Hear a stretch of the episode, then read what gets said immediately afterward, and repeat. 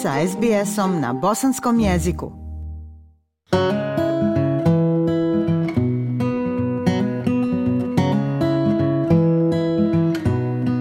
Slušate SBS program na bosanskom jeziku.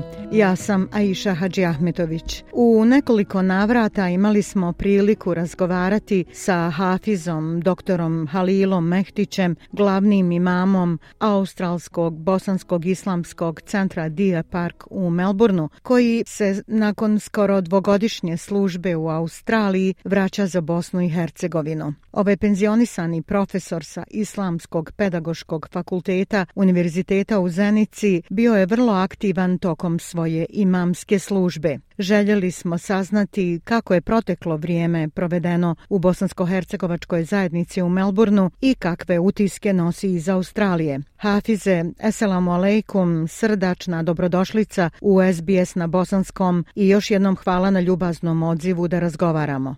Hvala vama na pozivu i zahvaljujem se e, što ste omogućili priliku da zajednički sumiramo moje utiske tokom boravka ovdje u žematu Zvijepark. Recite nam da li je vaša odluka da se vratite u Bosnu i Hercegovinu prirodan slijed događaja koji prati okončanje vaše službe ili u pitanju nešto drugo? Pa vidite, ja sam ovaj svoj odlazak iz Žemata javio prije možda 3-4 mm, mjeseca i e, smatrao sam da je dovoljno da ja budem dvije godine ovdje u ovom međumatu. Evo, hvala Allahu, došao je mlađi kolega koji će preuzeti tu dužnost i mislim da ja zaslužujem jedan malo mirniji život, da zaslužujem malo odmora jer ono kažu nisu ljudi džaba izmislili ni penziju. E, tako da je to moja svojevoljna odluka ovaj, i da e, ja odlazim u našu dragu domovinu Bosnu draga srca, kao što sam draga srca došao i ovdje u ovaj džemat prije nepune dvije godine.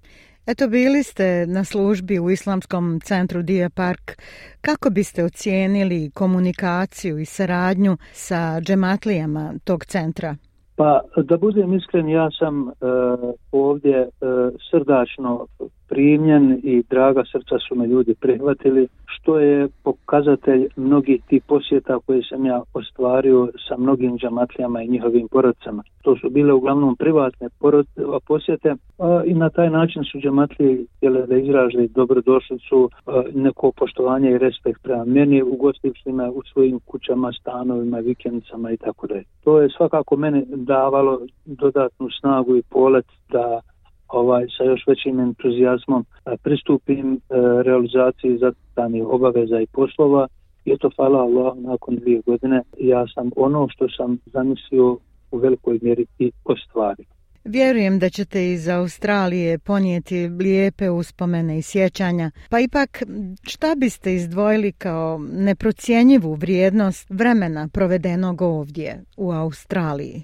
Pa vidite, ja sam došao u vrijeme kada je džemat živio u jednim vrlo turbulentnim prilikama. Ona svima nama poznata događanja oko e, islamske zajednice Bošnjaka u Australiji u velikoj mjeri su uzburkala, da kažem, te talase u islamskoj zajednici. Džematlije su podijeljene. Ovdje je bio jedan moj kolega, mladi kolega Paris Atendija, koji je u granicama svojih mogućnosti dao doprinos koliko je mogao, ali to je isto tako bilo i vrijeme korone kada ljudi u onom pravom smislu riječi nisu mogli da žive svoj i vjerski život. To sam čuo iz neko, od nekolicine ovaj, članova odbora džamatlija, kako je moj dolazak označio jednu stabilnost u džamatu, kako je džamat stao na noge, kako o, džemat je zauzio jedan ispravan kurs, kako je džemat učinio organizacija e, značajne napore na planu zbližavanja sa ostalim džematima na nivou Australije i eto kao rezultat ti naših zajedničkih aktivnosti mi hvala Lauđe Lešanhu već osmoga imamo prvi radni sastanak zajedno sa predstavnicima svih džemata na nivou Australije na kojem će biti razmatrane mogućnosti održavanja izborne skupštine na kojoj će biti prisutni svi predstavnici džemata na kojem će se donijeti važne odluke, a to jest da se izaberu novi organi, da se donese novi statut, izbe, odnosno islamske zajednice Bošnjaka u Australiji i da se ovaj, okrene jedna nova stranica a, istorije Bošnjaka u njihovom organizovanju, vjerskom organizovanju ovdje u Australiji. Ono to bi pogotovo htio da, da naglasim, e, što smatram svojim velikim doprinosom, je i to da sam u velikoj mjeri pomirio te antagonizme koji su bili jako izraženi sa ovim džematom koji se odcijepio od ovoga džemata. Zahvaljujući tom jednom mom tolerantnom stavu, mi smo značajan broj ljudi iz tog džemata pritobili koji sad redovno dolaze na naše vjerske aktivnosti, dolaze na džume, dolaze na tribine četvrtkom. Ja to smatram svojim velikim, velikim uspjehom.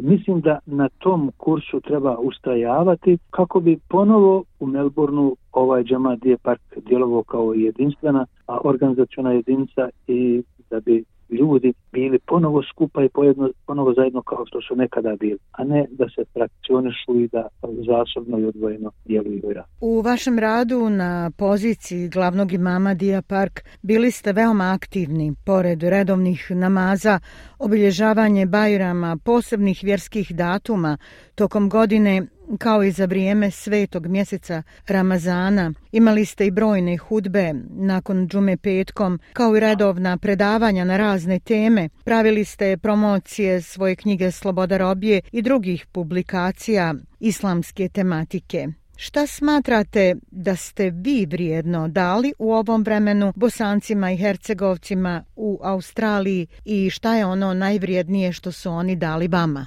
Pa ono što su oni najvrednije dali meni to je njihova pažnja i respekt jer moja riječ je slušala na sjednicama izvršnog odbora, moja riječ i prijedlozi su se ovaj uvažavali i slušali na održavanju godišnjih skupština, a isto tako i u svakodnevnom komunikaciji sa našom braćom i sestrama iz džemata. To smatram ovaj, jako bitnim i jako važnim. Ono što ja smatram sa svoje strane da je, da je bitno što sam uradio, Eh, već sam kazao da je omasovljena vjerska obuka za, za polaznike Mekteba, da se uradilo nekoliko značajnih druženja, tribina, predavanja i tako dalje. A isto tako smatram da sam za ovo vremena uspio da napišem nove dvije knjige. Jedna se zove Govor savjesti gdje sam sabro svoje intervjue i obraćanja koja sam dao od 80. pa na ovamo i jako mi je žao da knjiga nije stigla dok sam još ovdje da napravimo jednu promociju i drugo još važnije je to što sam e, svoje hutbe koje sam držao ovdje okom petka u ovom džematu gdje je park da sam sabrao te hudbe u jednu knjigu i da će zajedno sa ovom prije spomenutom knjigom doći zbirka mojih hutbi iz ovoga džemata. To će biti idealna prilika da se džematlije koji su slušali redovno moje hudbe petkom, kroz pisanu riječ podsjete na ono čemu sam ih pozivao, čemu sam i upućivao i da se prisjeti svega onoga o čemu sam im govorio što tiče našega din islama, naše vjere. ovo je jako, jako dobra prilika da se zahvalim trojici naših džematlija Muhammedu Kavazoviću, Hadži Zijadu, Glamočiću i Hadži Senadu Kovačeviću koji su svojim sredstvima štampali ovu drugu knjigu hutbe koja će se inša Allah ta'ala ovdje u džematu dijeliti besplatno. To smatram također našim zajedničkim uspjehom i molim Allah šanu da nam to ovaj primi u Kabuli. Recite nam kakvi su vaši planovi po povratku u Bosnu i Hercegovinu?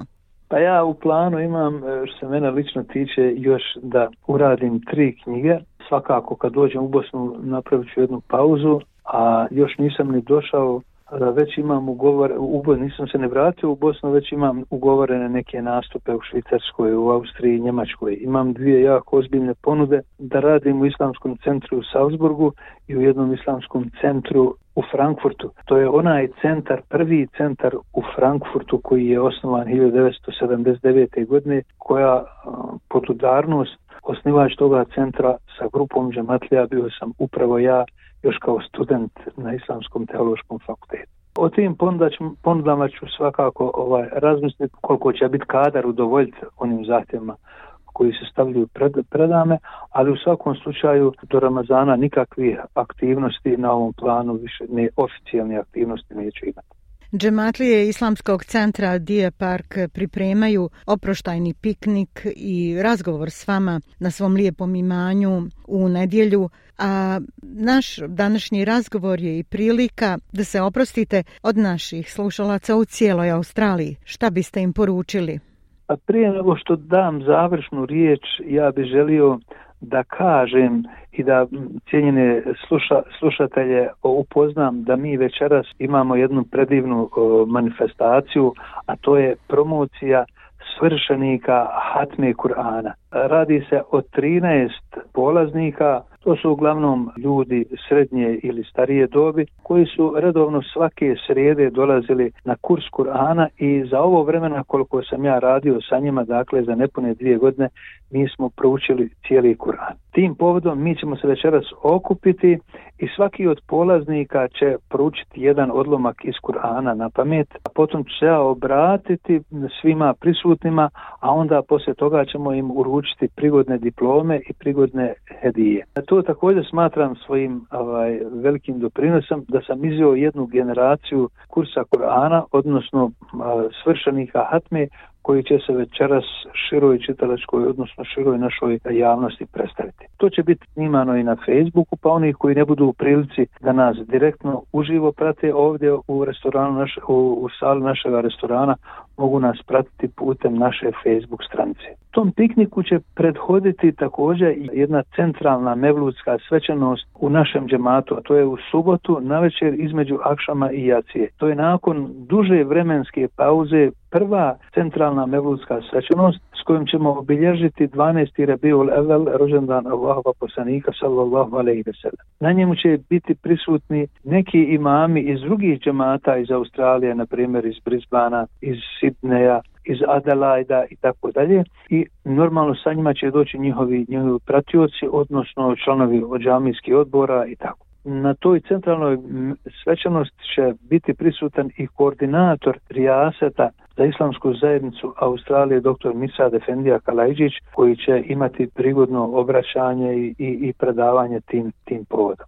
Sutradan u 9 sati mi ćemo imati zajednički doručak, poslije toga imat ćemo onaj prvi radni sastanak o kojem sam malo prije govorio, a onda poslije toga imat ćemo uklanjane podne namaza, kojom prilikom će biti i moje obraćanje i, i to će biti prilika da se definitivno sa svim našim džamatlijama oprostim i halale. Poslije toga će biti svečani ručak i, i samim tim piknik će se završiti. Ja sam za sutra pripremio jednu, kako sam je naslovio, oproštajnu hutbu u kojoj sam apostrofirao neke stvari za koje smatram da su nužne i da su bitne za ovaj džemat i za naše sunarodnjake koji egzistiraju i pripadaju ovom džematu. Ukazao sam na neke bitne stvari i nadam se da će oni to razumjeti, da će shvatiti, da će fokusirati svoju pažnju da to provedu u djelo ako voda moja poruka jeste da nikad ne zaboravimo ko smo i što smo. Da smo mi bošnjaci, odnosno bosanski muslimani, koji su prepoznatljivi po svojoj višestoljetnoj tradiciji kulture, a koja je opet bazirana na hiljadugodišnjoj tradiciji naše duhovnosti, odnosno našega dini islama. Samo tako mi možemo zadržati svoj nacionalni, svoj vjerski identitet. Inače, ukoliko odustanemo od svoje tradicije i kulture, mi ćemo biti asimilirani i utopljeni u mnogo veće civilizacije i kulture u kojima, kojima živimo.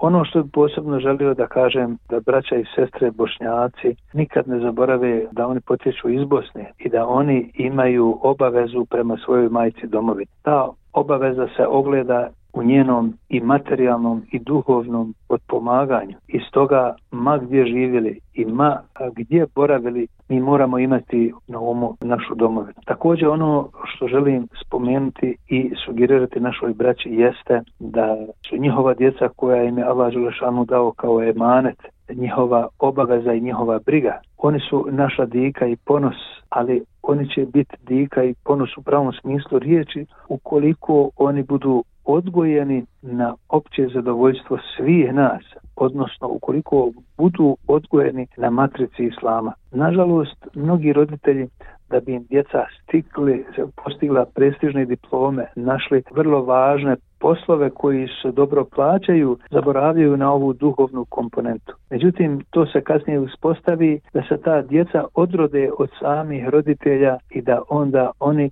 postanu noćna mora svojim roditeljima. Pravi efekat će se postići duhovno zadovoljstvo ako uz materijalni progres i napredak ostvarimo i naš duhovni napredak. To je ono o čemu treba da teži svaki bošnjak i bošnjakinja. Ja molim Allah Želšanu da nas na tom putu pomogne. Hvala vam na poruci i Hafize, kao i na izdvojenom vremenu i ovom razgovoru, a vama i vašoj porodici želim sretan povratak u prvu domovinu Bosnu i Hercegovinu. Hvala i vama na ukazanoj prilici da kažem nekoliko riječi i bilo mi je zadovoljstvo sarađivati s vama i sa SBS radio. SBS na bosanskom. Podijelite naše priče preko Facebooka. Želite poslušati još ovakvih priča? Slušajte preko Apple podcasta, Google podcasta, Spotify ili kako god da primate svoje podcastove.